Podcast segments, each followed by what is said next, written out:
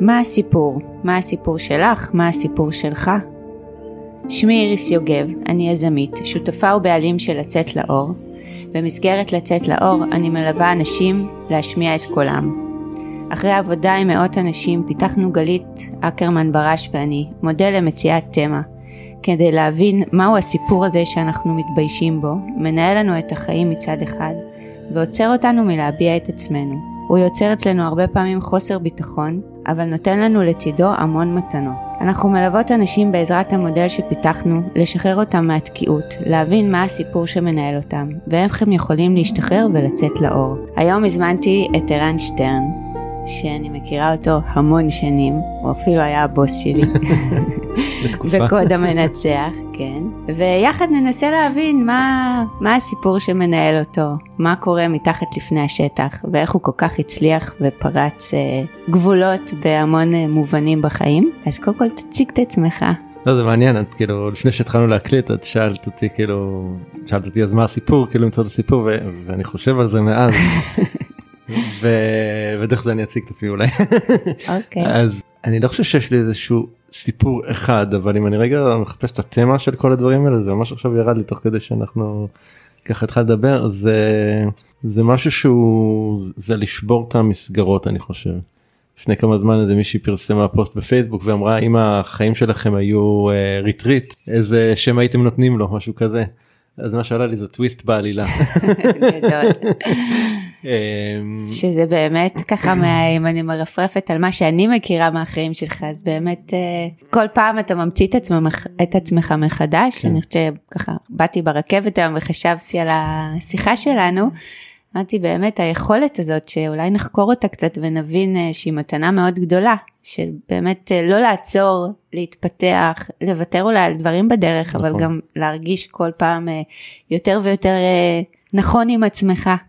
כן אני חושב שזה לגמרי הסיפור. נכון, זה בדיוק זה התמה שלך. זה התמה שלי לגמרי, אני ממש כאילו, as we speak, אני אפילו קצת מתרגש מזה, זה כאילו as we speak פתאום אה, הבנתי את זה גם על עצמי שזה באמת המקום הזה של אה, להמציא את עצמי אבל אה, הניואנס פה בעיניי זה באמת זה העניין של לשבור את המסגרות הסטנדרטיות okay. אני חושב שזה הדבר כאילו שזה מדהים כי תמיד אנחנו מחפשות מילה ש, שככה משתחזרת ובאמת התמה היא החוט, חוט השני, אבל יש ככה עוד כמה שלבים ב, כן. בלהבין את הסיפור שלנו, ש, שנחקור היום ונראה מה עזר לך, מה, מה, מה עוצר אותך. אבל רגע לפני שנשקע אני רוצה שבכל זאת תציג את עצמך. טוב אז uh, אני אציג את עצמי ננסה לעשות את זה לא בדרך שאני תמיד מציג את עצמי. אוקיי. טוב אין לי איזשהו סיפור סינדרלה הייתי ילד רגיל ילדות רגילה לא היה לי הורים מתעללים ולא לא היה לי עדות השוקה ממש לא שום דבר מהדברים האלה. אה, אבל אני חושב שאחד הדברים שכן הייתי הייתי ילד מאוד ביישן ומאוד מרצה. אני חושב שזה מאוד אה, דבר שמאוד אה, ככה נוכח היה אגב הביישן עוד קיים עובד איתו הרבה.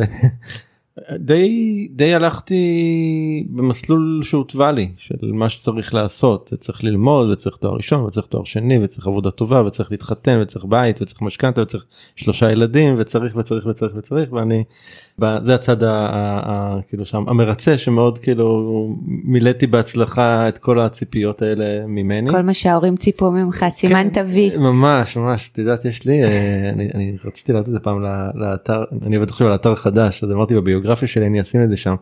בספר מחזור שלי בסוף י"ב אז ליד התמונה שלי אני, לא, אני אפילו לא יודע מי עשה את זה כאילו אבל מישהו שהכין את הספר כן אחד הילדים בטח בשכבה אז שמו לי קטע אני חושב שזה שיר של uh, מהילד הזה הוא אני אני חושב שיש שם ככה שכתוב uh, לימודים כאילו צ'קליסט לימודים צבא אוניברסיטה ילדים וכאילו הכל מסומן כזה.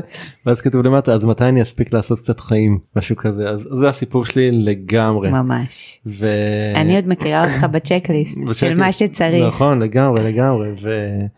ובאמת עד עד גיל 32 אני חושב בערך אני די ממש הייתי בצ'קליסט ממש כמו ש, שאמרו זה לימודים צבא אוניברסיטה תביני אני הייתי יום חמישי בבקו"ם ויום ראשון הייתי ב, ב, ב, באוניברסיטה התחילה שנת הלימודים כן ממש כאילו, כמוני.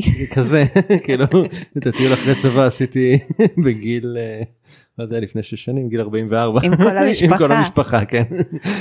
אז אז ממש כאילו עד גיל 32 ממש הייתי ככה על הצ'קליסט שזה הביא אותי באמת כמו שאמרתי משפחה שני ילדים היו לי באותה תקופה קריירה מאוד מצליחה באינטל כבר ניהלתי פעילות בינלאומית של אינטל בכל העולם משכורת טובה בית משכנתה כל כל החבילה, כל החבילה. של כל אה, אם פולניה שמאוד גאה בזה, בדיוק גאה בדבר הזה.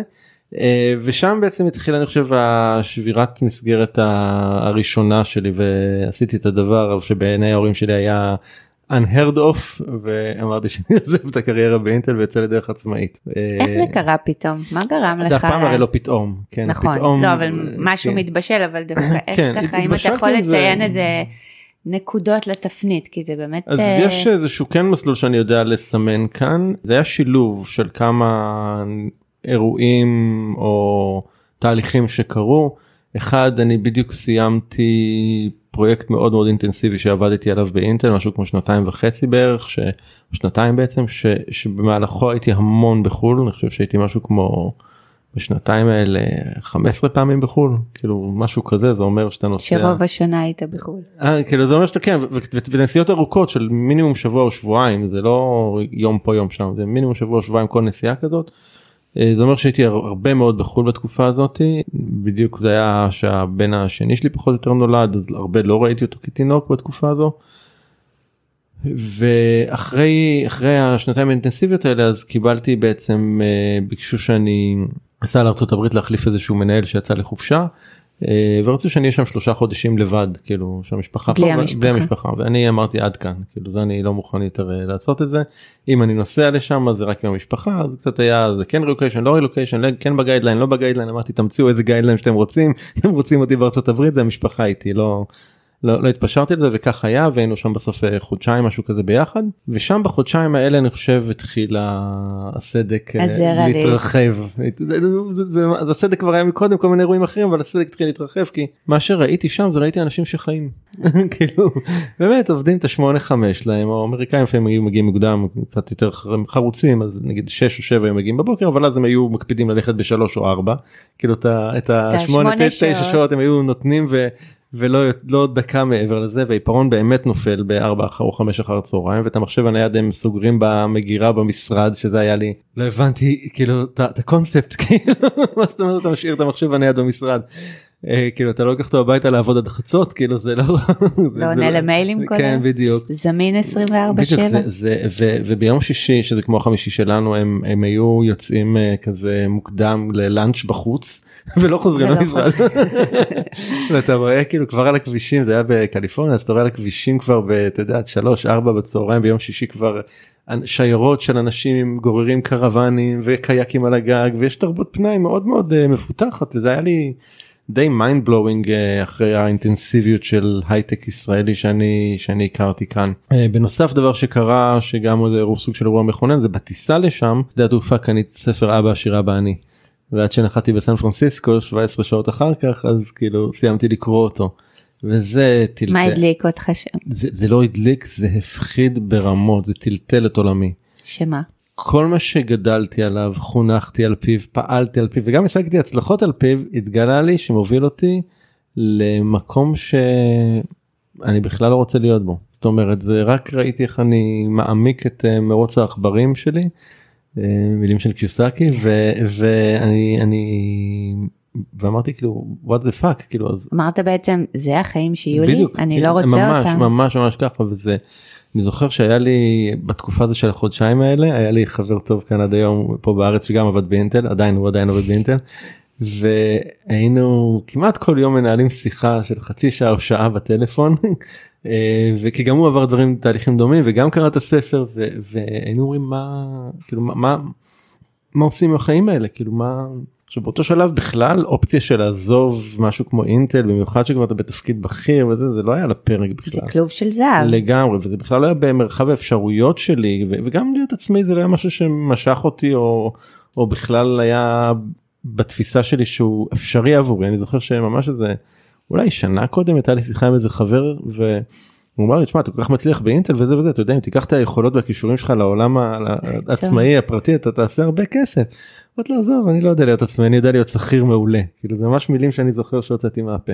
אז אה, מה גרם להחלטה? אז זה הוביל אותי משם באמת למסע של חקירה זה התחיל מהפן הכלכלי שקיוסקי דיבר עליו שאותי מאוד ככה טלטל התחלתי להתנסות בכל מיני דברים התחלתי ממש פשוט להתנסות. זה, כמו אה, מה? שיווק רשתי למשל זה אחד הדברים הראשונים Mm. שהגעתי אליהם והתחלתי לעשות אותם עוד ככה בשנה האחרונה שלי באינטל התחלתי לעשות. שבמקביל לזה שעבדת. כן במקביל לזה שעבדתי ומעולם השיווק הרשתי נחשפתי לעולם ההתפתחות האישית. זאת אומרת ספרים שמעולם לא הכרתי שיש סדנאות כאילו unheard of. ובאמת עברה לה משהו כמו אה, חצי שנה מהנסיעה הזאתי הגיע זמני לצאת ל... אה, באינטל אחרי שבע שנים מגיע כמו סבתיקל זה נקרא זה חופשה כן, ארוכה. שנת, אה, כן זה לא שנה אבל זה אה, חופשה ארוכה אוקיי. זה לא שנה ויצאתי בעצם לחופשה של שלושה חודשים בתשלום והדבר הראשון סוף שבוע הראשון בחופשה הזאת הייתה באמת סדנת התפתחות אישית. אה, הראשונה שלי זה ממש פו, כאילו פתח לי את פתח. הראש מאוד מאוד ובעצם משם המשכתי לעוד סדנה ועוד סדנה ובעצם הייתי איזה שנה ככה במסלול אה, של תהליכי התפתחות אישיים במקביל לשיווק הרשתי שעשיתי וכולי ושם כבר האחרונה ש... סליחה סדנה לפני האחרונה שעשיתי אני זוכר את עצמי עומד שם על הבמה מול איזה 60 איש ואומר עוד חצי שנה מהיום אני עוזב את אינטל מקבל את מחיאות כפיים ושוכח את ההבטחה הזאת אגב את ההתחייבות. שוכח את ההתחייבות אבל מה שהיה מדהים זה שאחרי שהקורס ההוא הסתיים אז בעצם הציעו לי להיות מאמן בקורס אותו קורס שמחזור הבא שלו. וראיתי הזדמנות כי התחום הזה של האימון ככה התחיל ככה למשוך אותי כי באינטל כבר באותה תקופה עסקתי במנטורינג של מנהלים צעירים בארגון וזה כאילו חנכתי מנהלים וכאילו כבר ככה הרגשתי שיש שם משהו בשבילי אז שהציעו לי להיות מאמן בקורס ההוא אז אמרתי מגניב. ועוברים להם עוד ככה ארבעה חודשים והקורס ההוא מסתיים וערב הסיום של הקורס ההוא זה יום בערך יום לא זה היה יומיים לפני שאני מודיע באינטל שאני עוזב. מה שקרה אגב מעניין אחר כך זה שלא זכרתי אבל ביום שעזבתי מאינטל שהסתכלתי ביום הזה היה בדיוק חצ... בדיוק על היום חצי חצי שנה שנה. מאותו יום שעמדתי על הבמה והצהרתי אבל זה גיליתי חודשים אחר כך. שזה כמה מדהים. חזק זה להצהיר כן, ואיזה כן. עבודה על התת מודע. זה די מדהים זה, זה היה mind blowing בשבילי פתאום. וממה פחדת? מלא דברים קודם כל הפחד אני חושב הראשון זה הפחד הכלכלי. כאילו ממה אתה מתפרנס במיוחד שאתה מגיע ממקום שהרווחתי מצוין ו... ו... ושאין לך יש- דאגה כלכלית. יש אין דאגות ויש התחייבויות מצד שני בית משכנתה שני ילדים כאילו השלישי הגיע אחר כך ורמת חיים שאתה הרגלת את עצמי הרגלתי את עצמי ואת המשפחה שלי אז, אז זה מאוד מפחיד זה, זה הדבר הראשון. הדבר השני זה הרבה ענייני אגו כאילו מי אני פתאום בלי הטייטל המפוצץ מאינטל. מאינטל. כן בלי אינטל הגדולה מאחוריי בלי הכרטיס ביקור בלי הנסיעות לחול בלי כל הפסיליטיז וכל הפינוקים שיש אני זוכר שכשהמחשב הנייד שלי התקלקל. התקלקל פעם ראשונה אחרי שכבר הייתי עצמאי אמרתי זה כאילו, איפה האיש? איפה אתה עושה 1 2 3 4 ואתה מגיע ואחרי 5 דקות מביאים לך מחשב חדש למה זה לא קורה גם פה. כן וההורים. ההורים אה, היה להם. קשה לא היה להם קשה בעיקר לאבא שלי זכרונו לברכה אבא שלי אחרי שיחה איתם אני זוכר כמה דחיתי את השיחה איתם אגב. זה, זה גם קטע מעניין ממש דחיתי את השיחה איתם עד שממש לא הייתה ברירה אבל היה איזשהו שלב שכבר ידעתי שאני עוזב שאני אחד הדברים שאני צריך לעשות זה לקנות רכב כי אני מחזיר את הרכב ליסינג כן. עכשיו אני לא מבין ברכבים כלום ואבא שלי הוא אבא שלי הרב בוחן במשרד הרישוי הוא כאילו הוא ניהל מוסכים כאילו ממש מבין. מבין מאוד אז תמיד כשהייתי קונה רכב זה היה איתו טוב. אז יצאתי איתו וקנינו רכב ומשם נסענו לבית שלהם ואני יושב מולם ואני אומר להם שאני עוזב בשוק אבא שלי ככה בפנים ממש חמורות אומר לי אתה עושה טעות נוראה. והמשפט השני זה שלו זה אני לא מבין איך אתה מוותר על הקביעות. טוב זה דור אחר. דור אחר אני אומר אבא אין קביעות אומר לי מה זאת אומרת החוזה הקיבוצי מה הם חייבים לך אמרתי אין דבר כזה דבר." זה הייטק. בחוזה האישי בהסכם האישי מה רשום אומר לי אמרתי לו אבא אין הסכם אין באמת אין אין לא היה חוזה עבודה גם אין דבר כזה. אה, אמר לי אני לא מבין איך זה עובד אמרתי לו אם אני רוצה והם רוצים עובד אם אני לא רוצה והם לא רוצים כבר לא עובד. אה, הוא לא הוא לא הצליח להבין את זה הוא לא הצליח להבין את זה ו- ותקופה מאוד ארוכה הם היו מאוד מודאגים ההורים שלי. כאילו ממה שקורה. איך. זה השפיע עליך על התפקוד שלך? באותה ש... באותו שלב כאילו די למדתי כבר לסנן את זה ולא לא, ולא לת... לא. לתת לזה משקל יותר מדי אני חושב שהם נרגעו יודעת מתי זה גם מגוחך. שהם באו בטח לאיזה סדנה לא? לא דווקא לא הם נרגעו כשהופעתי פעם ראשונה בטלוויזיה. וואלה, הוא עשה אז הוא עשה דרך. דרך. זה אחד הדברים הכי הכי הכי מטופשים שיש, זה כל כך חסר משמעות, כאילו זה כל כך, אה, תוכנית בוקר עלובה, את כן, יודעת, אבל. מבחינתם זה היה הדבר ש... הדבר שהם היו גאים בו. שהם היו גאים בו, וכל החברים התקשרו אליהם שהם ראו את ערן בטלוויזיה, אז כאילו, אז הם נרגעו. הם חזרו לנשום. כן, משהו כזה. ומה היית מציע ככה לאנשים שנמצאים כרגע בנקודה הזאת ורוצים כבר לצאת? אה, אני, אני, אני פוגש המון כאלה, אה, יש גם בספר השני שלי להתעורר מדבר בדיוק לאנשים במקום הזה. אה, ובאופן מפתיע אני אומר להם חכו רגע. כאילו אל תקפצו בהכרח מחר לעזוב מקום עבודה אני ממש לא ממליץ על זה אני פגשתי המון אנשים שנפגעו שהם עשו את זה כשהם לא מוכנים.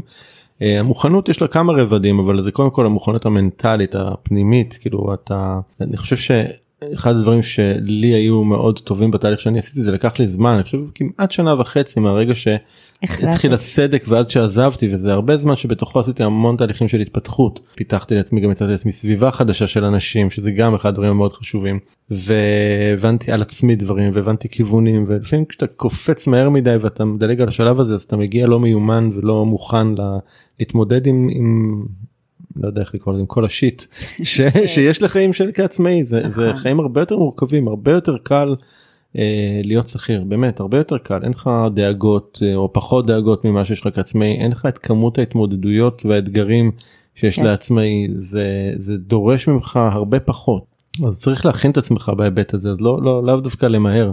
כן, אני חושבת שזה מאוד נכון וגם היום אפשרי לעשות גם וגם ו- ולהתכונן מאוד אה, מעודד את זה אני חושב שאגב לדרך ולראות איך זה עובד ולעשות אולי משהו ככה יותר קטן. אה, נכון לבחון אני, אני, אני קורא לזה להכניס את הרגליים למים ולהרגיש את הטמפרטורה קצת נכון. כאילו זה כזה לפני שקופצים כאילו מתחילים במשהו וזה בעצם בתחת התהליכים האסטרטגיות שאני ממליץ לאנשים שאנחנו מלווים זה באמת להתחיל עם משהו והתחיל בהתנסויות ו, ולבדוק והרבה הרבה הרבה התנסויות הרבה כאילו לחוות נכון. וגם למתג את עצמך כבר בתוך, אה, כאילו לקחת איזה נישה, נכון, להתמקצע. ו- וזה לוקח זמן הדברים האלה, לגמרי. לוקח זמן, ואז להבין מי אתה, עדיין, מה אתה אתה. עדיין שכיר ויש לך את רגע את השקט בצד הכלכלי אז זה נותן לך את הזמן, אתה, אי אפשר אי אפשר לעשות אי אפשר להגשים רעב, נכון, אוקיי, אתה לא יכול. כן כאילו מסלו מי שמכיר אז, אז אתה לא יכול לעסוק בהגשמה כשהצרכים הבסיסיים שלך לא מלאים אז אתה צריך רגע את- הביטחון הזה אז, אז אני אומר זו תקופה טובה גם גם לי. בחצי שנה האחרונה שלי באינטרנט כבר הייתי ממש על קוצים אני רציתי לעזוב וכשעשיתי את כל החישובים מתי נכון מתי כדאי כי יש בונוסים יש אופציות כל, ה, כל הקונסטלציה הזאת של למצוא את הזמן הנכון בלוח השנה שבו צריך להודיע. שנכון לצאת. אז כן אז אז אז כאילו מהרגע שקיבלתי החלטה שאני עוזב ועד שבפועל זה קרה זה הייתה חצי שנה. ואמרתי לעצמי סבבה זה חצי שנה עכשיו במקום לסבול את החצי שנה הזאת אני הולך אה, להש- להשתמש בה אז יש לי עכשיו את הביטחון הזה ועשיתי המון דברים במקביל. במקביל בחצי שנה הזאת כדי לפני שעזבתי כן. מדהים. איזה עוד מסגרת משמעותית אה, אז זו הייתה פרצת? המסגרת הראשונה אני חושב שהיא ככה חשובה. אה, יש אה, הרבה מסגרות אה, נוספות אני ככה חושב לאורך, ה- אה, לאורך השנים. עוד מסגרת משמעותית בשבילי אני חושב זה התגרשתי אחרי 30 שנות קשר 20 שנות- 24 שנות נישואים 30 שנות קשר. שזה למישהי שמכירה אתכם מהצד זה באמת כן. אה, כן. אה, מהלך מטורף. זה, כן אני, אני חושב שהוא מאוד בטח במשפחה שלי או בסביבה שלי כאילו זה די משהו שלא עושים לא עושים? לא עושים. למה? למה? כן, לא למה? יודע, אתה יודע, שנת 2022, כאילו מעניין אותי למה אתה, לא ב- ש... מאיפה שאני הגעתי כאילו זה משהו שלא עושים. לא. מפרקים משפחה? לא מפרקים משפחה כן כאילו גם מפרקים את יודעת כאילו כדאי לשים לב רגע למילים שאנחנו משתמשים בהם כן אה, כן לא כן מפרקים משפחה. במפרקים. את יודעת אני כן יש משמעויות ויש כאב ברור אבל זה משהו שאני חושב שהוא שוב לא שאני ממליץ לכל אחד להתגרש זה לא המסר אבל אני חושב שאם אם אתה מגיע לנקודה שאתה מבין או שאתם אתם כזוג מבינים שכבר פחות טוב אז אני לא רואה סיבה להישאר באמת גם לא בשביל וזה אחד התירוצים הכי נפוצים אני חושב בשביל הילדים. הילדים כן אני חושב שהילדים שלנו אם לנו רע אז לילדים שלנו יהיה מאוד רע. אה, ואם לנו טוב אז לילדים שלנו יהיה טוב בואו נכון. זה, זה חד משמעית אז להישאר במקום כזה אני לא רואה שום אה, גם אם המשמעות היא לכאורה לפרק משפחה. אבל אבל זה כן זה היה מאוד משמעותי וזה היה עבורי בתור אה, בן אדם מרצה, כן בדיוק ושדווקא כאילו עם כל היציאה שלך ופריצת הגבולות וה... זה משהו שככה מאוד משמעותי לך, איך, איך, איך, איך הצלחת כאילו, לחשוב על זה בכלל? אה, איך הגעת לרעיון הזה? אה, שוב זה לא שאתה מגיע אליו ביום אחד אבל אבל לפני משהו כמו שלוש וחצי שנים חליתי בסרטן אחרי שהחלמתי אז uh, התחלתי להסתכל על החיים בצורה מאוד מאוד מאוד מאוד על החיים שלי בצורה מאוד מאוד מעמיקה התחלתי טיפול מאוד מאוד עמוק ומאוד uh, מטלטל ואני חושב שאחרי שאתה פוגש משהו שהוא לצורך העניין סרטן כן משהו שגם גורם לך לחשוב שהחיים יכולים להיגמר, להיגמר, סליחה. כן, גורם לך לחשוב על ארעיות וזמניות החיים, כן? נכון. למרות ששוב, הסוג שהיה לי לא, לא הייתי אף לא לרגע בסכנת חיים, זה לא היה, זה ממש מה... המשפט הראשון של הרופא היה אמר 99.9% סרטני והמשפט השני שלו היה אבל אתה תחיה. תחיה ותבריא. כן, כאילו כן, זה סרטן סוג הזה יודעים להתמודד איתו זה 98% החלמה כאילו כזה. הוא אמר אין ברפואה 100% אבל זה כמעט 100%. אז לא הייתי בסכנת חיים אבל עדיין המפגש הזה הוא גורם לך לחשוב על הארעיות של החיים ועל הזמניות שלהם ועל האם באמת אתה חי כמו שהיית רוצה לחיות. זה הוביל אותי ממש למין מסע עומק כזה של להסתכל על כל רובד ורובד ורובד ורובד בחיים שלי בצורה שדרשה ממני הרבה הרבה אומץ. ובין השאר הגעתי גם למקום הזה. מה גילית ש... שם על החיים שלך ועל מי שאתה בכלל? אז גיליתי באמת הרבה ריצוי. והרבה מקומות שבהם... יכול לתת לנו דוגמה? יש אה, אני פשוט שוקל כאן מה כי לא הכל רק נוגע בי את יודעת. לא ברור אני מדברת עליך. אני לא- בדיוק אז אני אנסה לחשוב על הדברים עליי ראיתי ראיתי גם בעיסוק שלי דברים שאני עושה שהם אה, אני עושה אותם כי אני מרצה מישהו יכול להיות שאני מרצה עובדים או לקוחות או אה, או את הבנק לצורך העניין בסדר כן, מישהו מישהו מישהו אני מרצה שם בהקשר למה אני עושה את מה שאני עושה למשל איזשהו ריצוי שעשית שקשור בך וככה הרגשת שזה לא עובד ושילמת עליו מחיר עם עצמך אה, בתחושות כן, שלך. כן, אני חושב שבכל מה שקשור לביטוי המיני שלי אני חושב שהרגשתי שהייתי מאוד בוויתור על זה ולא לא מיציתי את זה בצורה מלאה כמו שהייתי רוצה. אה, וזה הוביל אותי גם למסע בעולמות האלה כאילו להתחיל לחקור את זה ולהתחיל לבדוק את זה ולבחון את זה. עברתי שם תהליכים מאוד משמעותיים עם עצמי של ממש ריפוי מהרבה מאוד uh, תפיסות ומהרבה מאוד uh, שיט שסחבתי על עצמי לאורך השנים. הסכמת גם אולי לשים את עצמך במקום הראשון ולראות מה אתה רוצה ואיפה התשוקה שלך. דפנטלי, ו... אני חושב שזה היה לגמרי מהלך של לבוא ולהגיד עכשיו הזמן שלי. כן.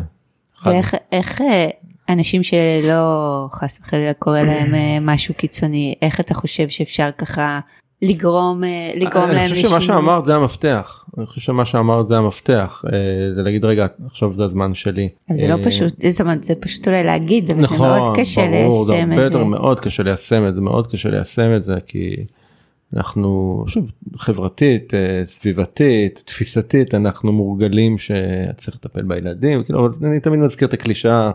מה שנקרא מ-one on one של התפתחות אישית תחשבו על הדלת במטוס. במטוס, על המסכה. נכיר רגע בדלי ונמשיך אבל אה, זה אבל קלישה הזאת היא נכונה אתה חייב לא גם אם אנחנו לא מלאים לא קשור רק לחמצן נכון, ולא נכון, נכון. בטוחים ולא. נינוחים אז הילדים הם הילדים ובני הזוג הם הראשונים שחווים את הלחץ וחוסר הביטחון שלנו זאת אומרת חד משמעי ואחד הדברים שגם חשבתי עליו בהקשר הזה של הילדים זה שאלתי את עצמי זה איזה דוגמה אני רוצה להיות לילדים שלי זאת אומרת איזה אבא שאני רוצה שהם יראו מישהו שמוותר על עצמו או שמרצה או שמישהו שוואלה נלחם על החיים שלו ו- וחי אותם ו- ומתעקש עליהם ו- ועושה גם בחירות לא פשוטות והחלטות לא קלות אה, בשביל בשביל הדבר הזה. שיתפת אותם? כן בטח כן.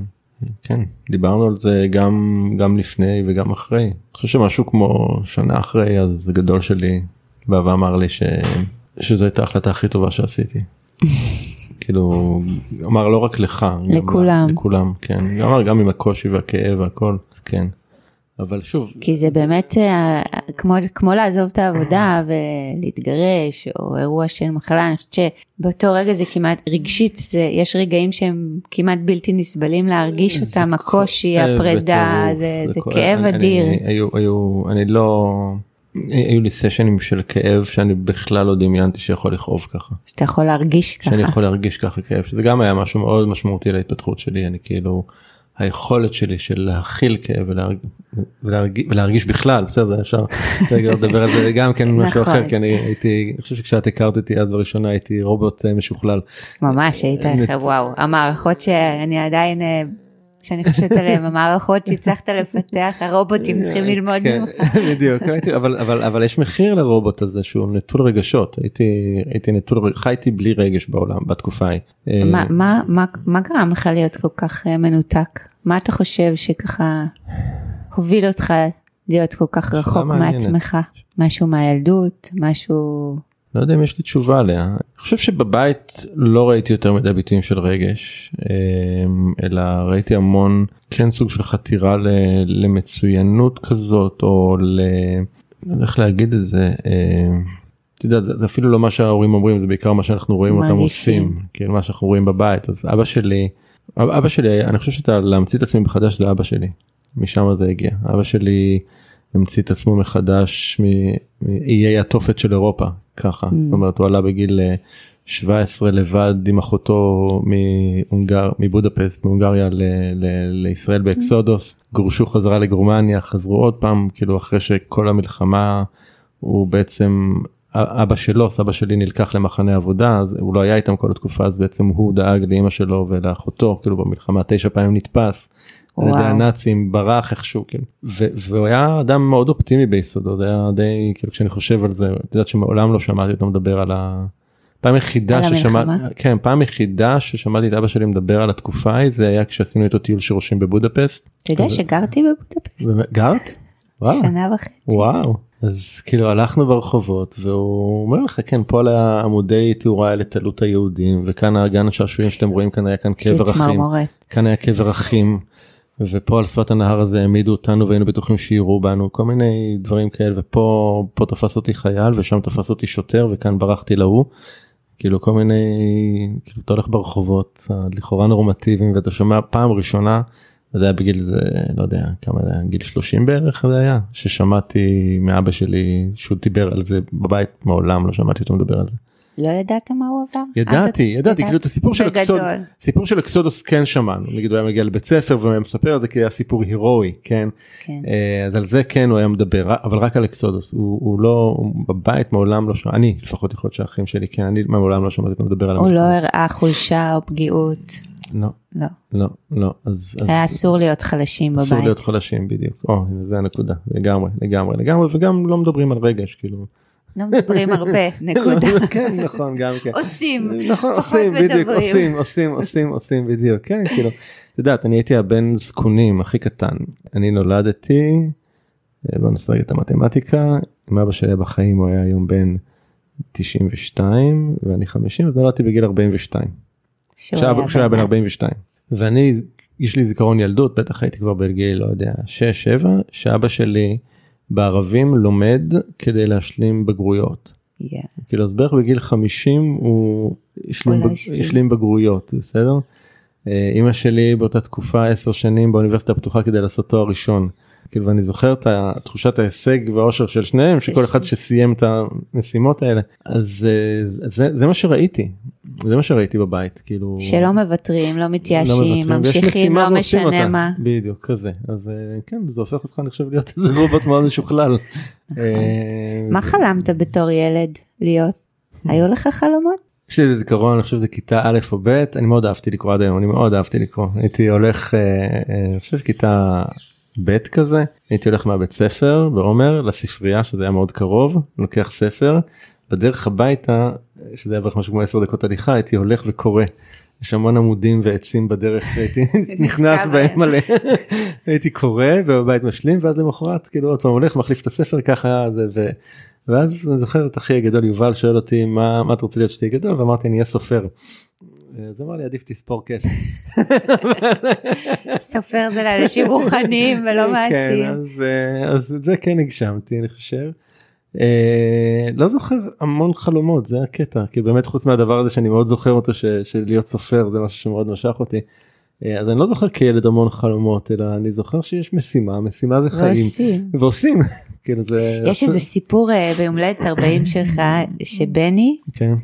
סיפר משהו על הילדות שעשיתם איזה עסק של אה, משהו? היה לנו- זה היזמות הראשונה שלך, אה, לא? לא, היזמות הראשונה שהייתה בגיל 10 אה, מכרתי סברסים בבריכה בעומר הייתה לנו סברסים בחצר אבל הקטע המעניין שם שזה מעבר לזה שאני מכרתי סברסים אז חברים התחילו לרצות גם.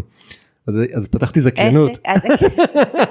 הבנתי, מכרת להם את הסבא. מכרתי להם לא רק את הכל את הכל זכיינות באמת מלאה. נתתי להם את כל השיטה נתתי להם את, ה, את, קודם כל את חומרי הגלם היה את הסברסים בגינה שלנו ואת המקל להוריד אותם ואת העגלה ואת, כל השיטה איך חותכים בלי איך מנקים את הקוצים ואיך חותכים בלי לחטוף קוצים ונתתי להם את הכל וגזרתי 30 אחוז מלמעלה היית איש עסקים כבר בגיל אה, עשר. מגיל 10. אה, אז זה כן אז זה היה הראשון עם בני אה, את בני הכרתי כשהייתי בכיתה ז' הוא היה בחטא אה, אז היינו נכנס לזה מחשבים אישיים התחילו אז היה לנו קומודור 64 זה מראה כמה אני עתיק. והקמנו את איגוד משתמשי הקומודור 64 בישראל. היו לנו לדעתי 17 חברים באיגוד וואו. כן, ששילמו שקל דמי חבר לשנה מה שלא הספיק- זה. מה שלא הספיק לכסות את העלויות והוצאנו שני עיתונים וואו. באמת הוצאנו שני עיתונים אה, פחות או יותר זה גמר את כל התקציב אפילו הוספנו קצת מהכיס. אה, כן אז זה היה זה היה נורא. הוא עכשיו ב- ביום הולדת 50 הוא הביא לי את החומרים הוא הדפיס? לי את זה כן זה גדול כאילו. זהו, היה לי איזה זיכרון מעומם, אני אמרתי, אני חייבת... אה, כן כן אז, אה, לבדוק אז, איתך. אז כאילו יזמות איכשהו תמיד הייתה ברקע חלק. למרות שמעולם כאילו באמת עד אותו באינטל לא, לא ראיתי את עצמי כיזם למרות שהיום שוב בהסתכלות של אחורה אני רואה שבאינטל עשיתי מלא יזמות רק זה היה בתוך אינטל אני בתשע שנים שהייתי שם עשיתי שישה תפקידים וואו. כן. ושלושה מהתפקידים האחרונים שעשיתי זה היו תפקידים שהמצאתי זאת אומרת הם לא היו קיימים זה לא. שהחלפתי מישהו אלא ראיתי איזשהו צורך איזושהי בעיה וראיתי ו- וראיתי שאני יודע לפתור אותה ושכנעתי את המנהלים שלי והקמתי פעילות סביב הדבר הזה עשיתי המון יזמות כאילו בתוך הארגון אה, אבל שוב זה היום בדיעבד אני יכול לראות אז לא לא הבנתי את זה ככה. אה, אין ספק, אתה גם מאוד יזם וגם מאוד מעשי. כן. שתי מתנות מאוד גדולות נכון. אה, נכון. יש, לצד הריצוי יש דברים מאוד אה, לא, מאוד מאוד גדולים. מאוד כן מאוד משמעותיים יכולות מאוד אה, חזקות. שלי היכולת להוריד דברים לקרקע ו to make them happen וכאילו זה, זה לגמרי ב, ב, ב, בחוזקות שלי. וגם אתה לא מוותר לעצמך, אני חושבת שגם נכון. בהתפתחות האישית וגם עם, אה, עם הקושי ולעמוד על הבמה, אה, על במות גדולות, אה, כן. אני מכירה מהתקופה שלנו. ברגעים מאוד מורכבים, לא ויתרת לרגע. נכון. אני תמיד, אה, שאנשים נורא לחוצים, אני אומרת היינו- שהיינו נותנים לערן אה, חצי כוס בירה, הוא היה משוחרר על הבמה. זוכר- אני זוכר שהבאתם לי זוכר פעם זה? איזה משהו לא יודע מה היה בזה היה כוס של שוטים משהו זה לא היה בירה אה. היה יותר חזק לא, לא, אני. נשארת עם הבירה, אבל זה- נכון, זה- זה עשה לך טוב. כן כן לגמרי כן זה עושה טוב. אז פיתחנו כן. גם שיטות מהירות, נכון. אבל סתם זה, זה ככה בשביל הבדיחה, אבל באמת השאיפה ל- ולהרגיש כן. נינוח ולהביא את עצמך, שזה כן. לא להיות מישהו אחר. זה, זה משהו שאני חושב שמאוד מאוד התחזק אצלי בשנים האלה בדיוק דיברנו ככה על זה לפני ש... לפני שהתחלנו להקליט שממש הבוקר ממש חצי שעה קודם העליתי פוסט פוסט לא יודע, איזה 20 עמודים כמעט. ספר, כתבתי ספר בבוקר. זה התחיל כפוסט זה התחיל באמת כפוסט אה, ביוון לפני איזה שלושה שבועות שהייתי שהתחלתי לכתוב והתפתח התפתח התפתח הגעתי לארץ פתאום נהיה 20 עמוד. אה, שנקרא הצד האפל של עולם ההתפתחות האישית ודיברתי שם אחד האלמנטים זה באמת על הפרסונה החיצונית הזאת שאנחנו מטפ- מטפחים. אה, דיברתי על תקופת החליפות שלי אז בקוד וכאילו זה, זה, זה חלק ממי שלא הייתי אני לגמרי כי, כי זה לא אני. אה, נכון, אבל אני חושבת שזה לא שזה לא היית אתה, זה אז לא ידעת נכון. כאילו עוד לא מי ידעתי מי- הפרסונה הזאת, וגם המון פעמים אנחנו חיים את הפער. אני מכירה את זה נכון. גם עליי, שאני לא מוכנה לוותר על הפער. זאת אומרת, לא קרה, כשעבדתי בבודפסט אפרופו לבשתי חליפות, כי לא הייתה ברירה, זה היה קוד כן. עט, קוד לבוש. אבל באמת, אה, אני הרבה פעמים שואלת את עצמי, אה, מה אני מוכנה לעשות למען כאילו מה שצריך, ו... ואני עושה מה שדורש ממני את ההתפתחות האישית כן. ו- ולתת כמה שיותר ערך ובאמת לעזור לאנשים ולהגשים את הייעוד שלי. אבל זה צריך להיות במסגרת מי שאני, נכון. עם הג'ינס והכפכפים, נכון. ואם בא לי פתאום להתלבש אני מתלבשת, אבל זה לא, כן אז לא חובה. זה נכון ואז באמת אני חושב שבאמת לא לא הייתי ברור בטוח לא הייתי מודע לזה ובטוח לא הבנתי את הפער הזה. אה, אז בתקופה אנחנו מדברים זה כבר עשר שנים, שנים. שנים עברו מאז. כן. אז מה החלום הבא? מה הדבר הבא שלך? אה, או שאלה מצוינת. אז במסגרת העלמת את עצמי מחדש אני ממש היום ב- בסוג של מסע כזה מחודש. כן, אה, דיברנו על זה בטלפון כן. נראה לי שסיפרת כן, לי. אני ממש ממש במסע כזה. בנקודה הזאת היום כשאנחנו מקליטים אני עוד לא יודע להגיד לך מה זה אני עוד כאילו מברר את זה יש כל מיני כיוונים אבל זה מאוד כזה מאוד ערפילי עדיין.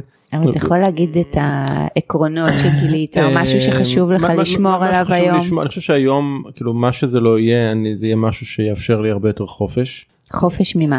אה, חופש אה, זאת אומרת היום חלק ניכר מהפעילות שלי קורה כאן איפה שאנחנו מקליטים כי אני מקיים פה סדנאות ופיזיות ודברים כאלה אז חלק מהכיוון זה יהיה גם להקליל את זה שאני לא אצטרך להיות פיזית באיפה שאני נמצא כאילו פועל. כי כן יש לי איזשהו חלום להיות קצת אה, לאיזושהי תקופה של נוודות דיגיטלית בחיים שלי. זה משהו ש...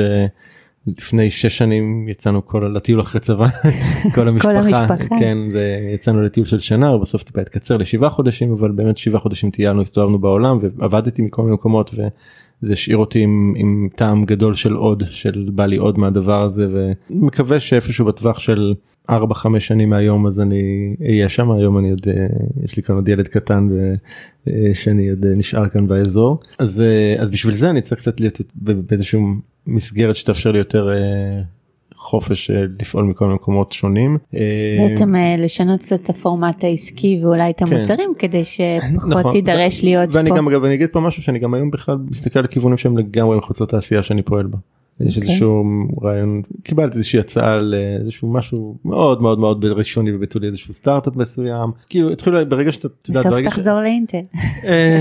לא יודע אם אני אחזור לאינטל אבל יודעת מה never say never על שום דבר אבל לא לא יודע לא אני אני לא רואה את עצמי חוזר להיות שכיר איפשהו במובן הקלאסי של של מה העניין, שזה יהיה. אבל אבל יכול להיות שאם יהיה איזשהו פרויקט מאוד מאוד מעניין שאני במסגרתו אהיה יומיים בשבוע איפשהו לא יודע משהו כזה זה, זה יכול להיות אני אני באמת מנסה פחות לשים כרגע מגבלות. לא, אני חושבת לפתוח. שאם אנחנו מדברים על עקרונות אז אם זה ישמור על החופש שלך ועל הביטוי בדיוק. שלך ועל מי נכון. שאתה ועל מה שמעניין אותך ועדיין יפתח אותך ויכניס לך מספיק בדיוק, אני- כסף אז כנראה אני חושב שהיום אני יותר מתמיד פחות מחפש את ההגדרות אז זה פחות שכיר או עצמאי לא יודע זה כמו ב... ב ב- ב- ב- עם- עם עם ורד עם האהובה שלי אז אנחנו כאילו מה אנחנו מונוגמים או אנחנו לא מונוגמים כאילו אנחנו, אנחנו לא מחפשים את ההגדרות האלה כאילו כי, כי כל הגדרה שלא תהיה אז היא, היא כובלת. בדיוק היא מביאה איתה איזשהו סט של כל מיני מגבלות, מגבלות. שהן לאו דווקא שלנו אז, אז אני, אני די מנסה להיות uh,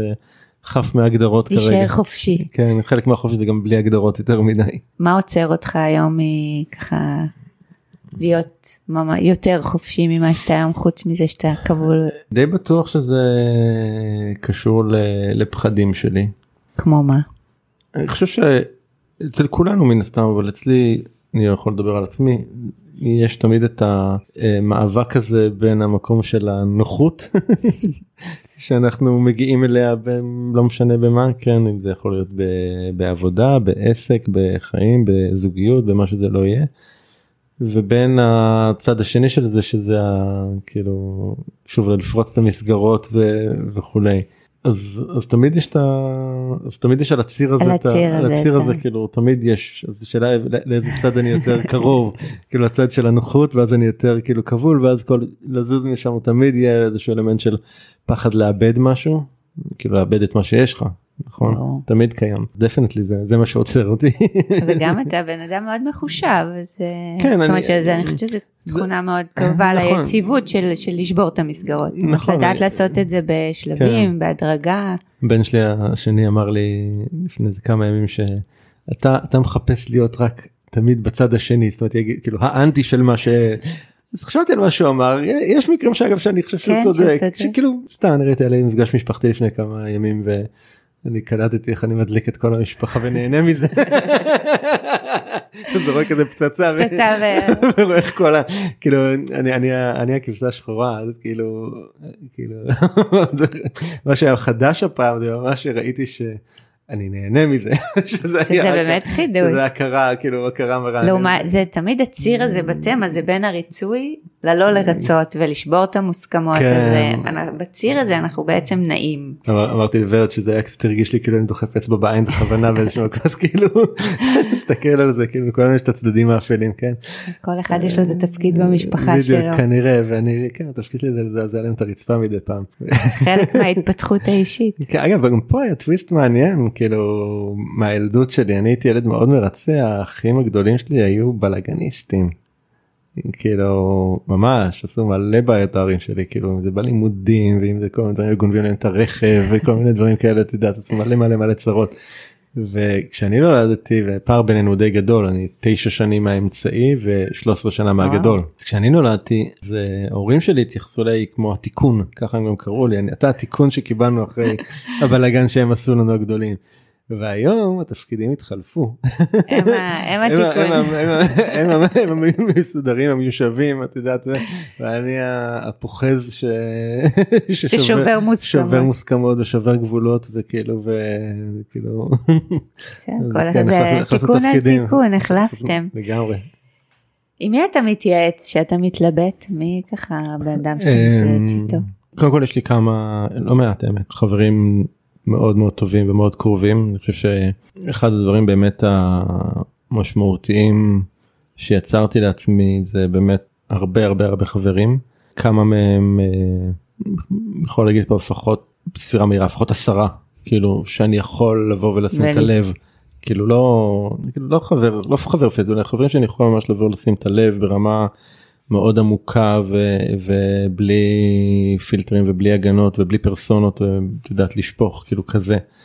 אה, אז זה קודם כל ביניהם גם גם, גם, גם ורד האהובה שלי ומטפלת שלי ו, אבל וגם חברים אחרים אבל באמת אה, זה זה לדעתי המקום הראשון. אה, בהמשך שוב יש פה מעגלים גם כאילו נגיד היום כחלק מהחיפוש של מה הדבר הבא שלי אני אני נכנסתי למסע של מפגשים אה, עם המון המון המון אנשים. אני כמעט כל יום היום יש לי לפחות אתמול היו לי שלוש פגישות היום יש לי שתי פגישות וואו. עם אנשים אה, עם אנשים כאילו מכל מיני מעגלים מכל מיני תעשיות כאילו אתה בעצם פותח את ה... פותח הכל. פותח הכל באמת ו- ו- ומכל אחד כזה אני מקבל מחברת, אני משהו. מקבל משהו באמת. אתמול ישבתי באמת שתי פגישות כל אחד מהם כיוונים אחרים אנשים שונים לגמרי ו- ו- אבל עם כל אחד אתה יודע אתה לוקח פה רסיס ופה משפט וכאן קרעיון וכאן כיוון ו- ובסוף אני יודע אני יודע כי כי, כי עשיתי פשוט את זה גם מלא פעמים לאור-. מלא פעמים לאורך השנים כן כשהמצאתי את עצמי כל פעם מחדש זה זה, זה, זה באמת זה, זה כשהיום- כשהפעם אמרתי אוקיי הבנתי שאני יודע לעשות את שאני, זה כן הבנתי שיש פה גם אני לא, לא רוצה להשתמש במילה שיטה אבל יש פה איזשהו דברים שאני יודע שמאוד מקדמים בהקשר הזה אז, אז מפגשים עם אנשים עבורי זה דבר מאוד מאוד משמעותי. אה, אם זה משהו כבר יותר אה, מקצועי אז אני נעזר באנשי מקצוע אם זה אם זה ביועצים או אם זה בדברים של הנפש שזה מטפלות אני. אה, אני באופן קבוע בטיפול מ-2014 מדהים כאילו עד היום כאילו קבוע קבוע כאילו החלפתי מטפלות אבל כן. כאילו קבוע אז אני חושב שזה מאוד מאוד מאוד אה, חשוב ואני חושב שזה גם מאוד בריא. אני חושב שכולם צריכים טיפול אגב. נכון כאילו- כי זה מאוד מקדם ומקדם אותנו להיות מי שאנחנו ולחיות את החיים. כן. בכלל יש לנו איזו תפיסה אולי שטיפול זה לאנשים מקולקלים או עם בעיות אני חושב שזה ההפך. להפך זה לקבל את עצמנו נכון, מקולקלים ועם בעיות. בדיוק, אבל בדיוק. לדעת להתמודד עם הרגשות אני חושבת שזה נכון. הרבה פעמים אנחנו רואים במודל שלנו ובסיפור שנמצא הפחד והפיל הלבן הזה. כמו אצלך נניח העניין של הריצוי וכשאנחנו לא משיימים אותו ושאנחנו לא מבינים את ההקשר שלו בסיפור ואיך הוא מנהל אותנו הוא הרבה יותר מפחיד אבל נכון. כשאנחנו מבינים אותו או עוברים דרך הכאב כמו שסיפרת בתהליך של גירושין או, או פרידה או בכלל שינוי שינוי ופרידה אז אז הרגעים האלה שאנחנו בכאב הם באמת מאוד מאוד קשים אבל הם מעבירים אותנו מהניסיון שלי הכי מהר שאפשר לגמרי דרך הכאב וגם נותנים לנו להרגיש שגם אני תמיד אומרת תמיד יש את הבוקר שאחרי נכון שפתאום קמים בבוקר לא משהו- מרגישים את נכון. הכאב לב הזה.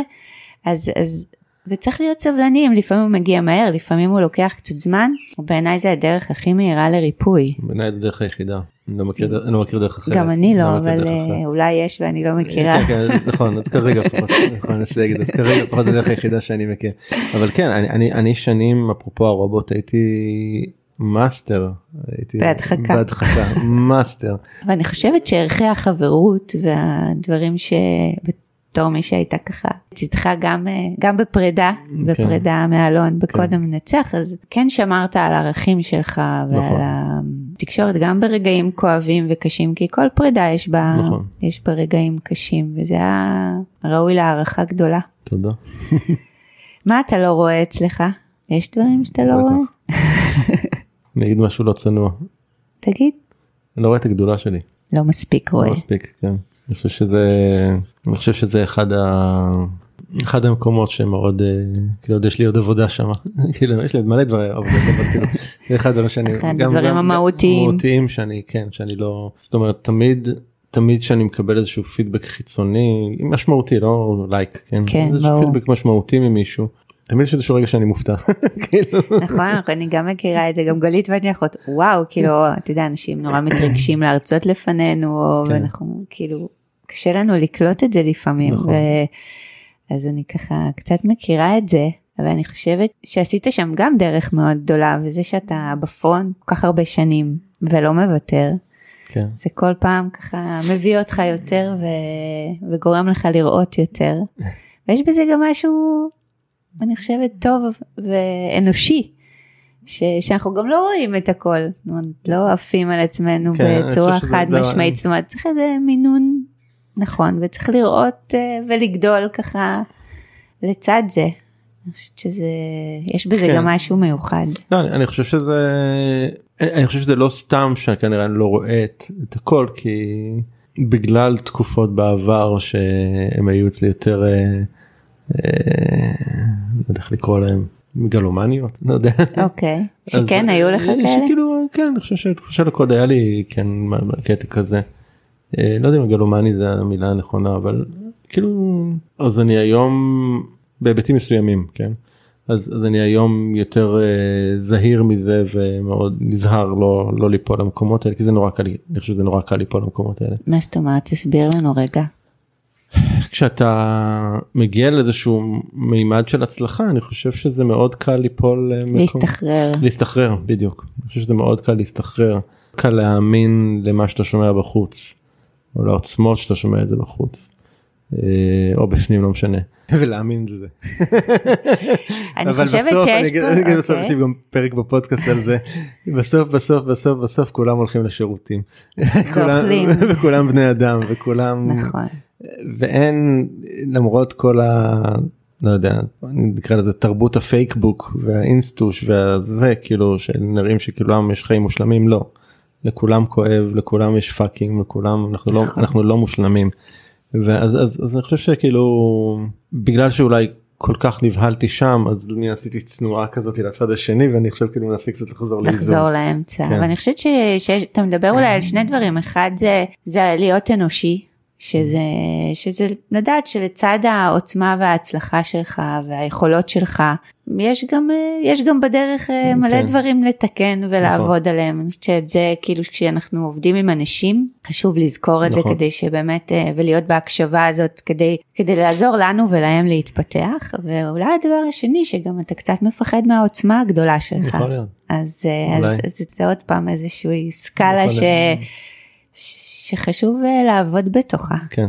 אז אה, רגע לפני שאנחנו מסיימים, מה אתה מאחל לעצמך לשנה הבאה? אנחנו Mm. ככה עדיין יכולים לגנוב את ראש השנה. אה, בדיוק אתמול חבר כתב לי הודעה ושאל אותי את השאלה הזאת אז אמרתי לו שתהיה שנה של שינוי. כאילו לשם שינוי. כאילו לשם שינוי לא יודעת שכאילו השנים האחרונות באמת היו כולן שינוי של שינוי אבל אה, פה בהקשר הזה זה באמת. אני השנה הזאת זה שנה של באמת להמציא את עצמי מחדש בעשייה שלי את הכיוונים החדשים שלי. הגעתי בול בזמן. לגמרי, לגמרי, זה ממש- מסקרן להיות מה. קרה, מה יקרה. מה יקרה כן. נכון אני גם סקרן כן. לגלות מה יקרה. אני אני ממש עברתי גם אה, איזשהו טיפול שעשיתי לפני כמה שבועות אז ממש עברתי חוויה של אה, סוג של חוויית לידה רק שזה היה כזאת לידה שאתה עובר את הלידה אבל אתה לא מראים לך את התינוק. אתה נראה אותו אתה דבר. לא יודע איך הוא נראה שם אז כאילו אז אני אני כן הרגשתי שמשהו נולד רק אני עוד לא עוד לא יודע אני מה. לא רואה את הצורה שלו עדיין כן. טוב, אני בטוחה שתגלה כן. בזמן שזה יקרה. ושזה בטוח יהיה טוב ואתה כבר יודע לעשות את זה אז אה, נכון. רק גורם ההפתעה של מה יקרה. כן סקרן אותי לאללה. יש עוד משהו שאתה רוצה להגיד לנו? כן אני חושב שהעידן הזה התקופה שאנחנו חיים בה היא תקופה מאוד uh, מעניינת זאת אומרת מצד אחד אני חושב שיש פה כוחות מאוד מאוד משמעותיים תרבותיים שלטוניים וואטאבר לא יודע איך לקרוא לזה קוסמים כל אחד ישים את ה... זה שלא שמאוד uh, לוקחים את האנשים לאיזשהו מקום של עדריות כאילו שיש רק צורת חשיבה אחת אחת. נכונה ושיש רק uh, דרך אחת לחיות החיים ושיש איזושהי אמת מוחלטת אחת וכן הלאה וכן הלאה וכן הלאה ואנחנו ראינו את זה מאוד מאוד מאוד בעוצמה עם כל מה שקרה כאן בשנתיים. וחצי האחרונות עם הקורונה כן אני חושב שזה מתחזק בעוד הרבה היבטים ועוד הרבה אני חושב שיש המון אה, להיות היום מישהו שמדבר בצורה שלא תואמת את הנרטיב נהיה אפילו לפעמים מסוכן אה, וזה קצת מבאס. בצד השני של זה אני חושב שיש פה תנועה מאוד גדולה של התעוררות של אנשים שמבינים שאין איזשהו נרטיב אחד. שכל אחד קובע לעצמו את הנרטיב או שלפחות כל אחד יש את הזכות לקבוע לעצמו את הנרטיב ופה זה איזשהו מאבק כזה בין שני כוחות מאוד מאוד מנוגדים. אז אני חושב שדי ברור באיזה צד אני.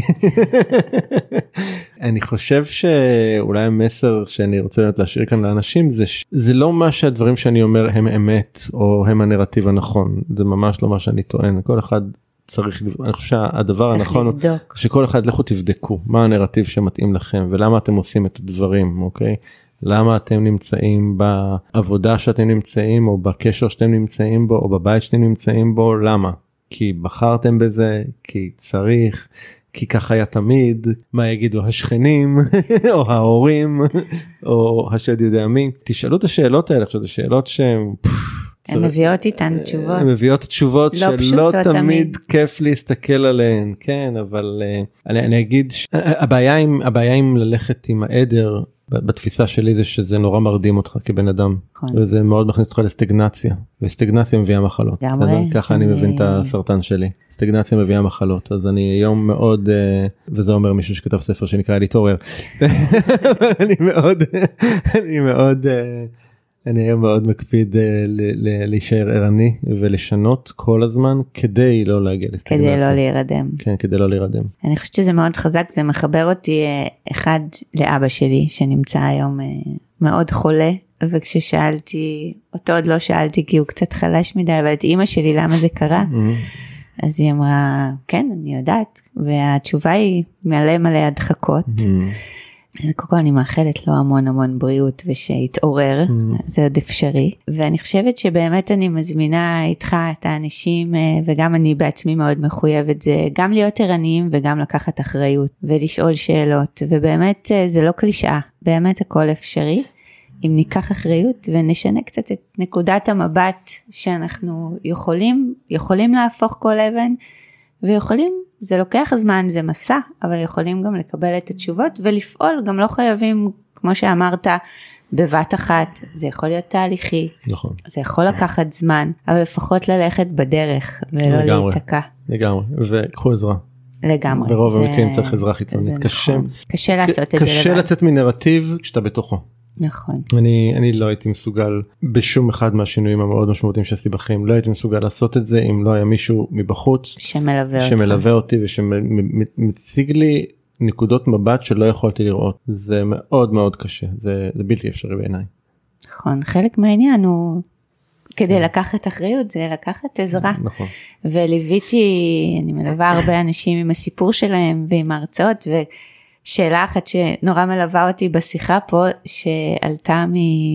מההרצאה אחת שליוויתי, הם עמדו בפני שינוי מאוד גדול, הם יצאו מקהילה מאוד סגורה, הזוג ובחורה שאני מלווה עם ההרצאה, עם הסיפור שלה, שאלה את הבן זוג שלה, אם היית יודע שזה השנה האחרונה שלך בחיים, מה היית עושה עכשיו? כן. וזו שאלה נורא חזקה, נכון. ו- והיא זו שעזרה להם לצאת, כי וואלה. התשובה שלו הייתה מאוד ברורה. ברורה, והיא אמרה לו, אוקיי, אז אם זאת התשובה, אז עכשיו אנחנו יוצאים מכאן פותחים... זו שאלה, שאלה שאני שואל באחד הוובינרים שלי, כאילו אם היו אומרים לכם שאתם חולים במחלה מסכנת חיים, האם, האם, האם הייתם משנים משהו, משהו ומה, ומה הייתם משנים? אז, כן. אז לא צריך לחכות לזה. לא צריך לחכות uh, למחלה. אפשר נכון. לשאול את השאלה הזאת, אני חושבת שהיא מאוד חזקה, ואפשר להתחיל להפוך אבן אחת לפחות, אז אני. מאחלת באמת שתהיה לך שנה טובה, תודה. ושנה של שינוי, אה, שינוי כזה בכיף. שינוי בכיף אני קונה. ובנינוחות, ואתה כבר באמת יודע איך זה עובד, עשית כל כך נכון. הרבה שינויים, וכל פעם ככה גילית משהו חדש אה, שהוביל אותך למקום טוב יותר, אה, ולא לפחד גם מהקושי והרגעים ה...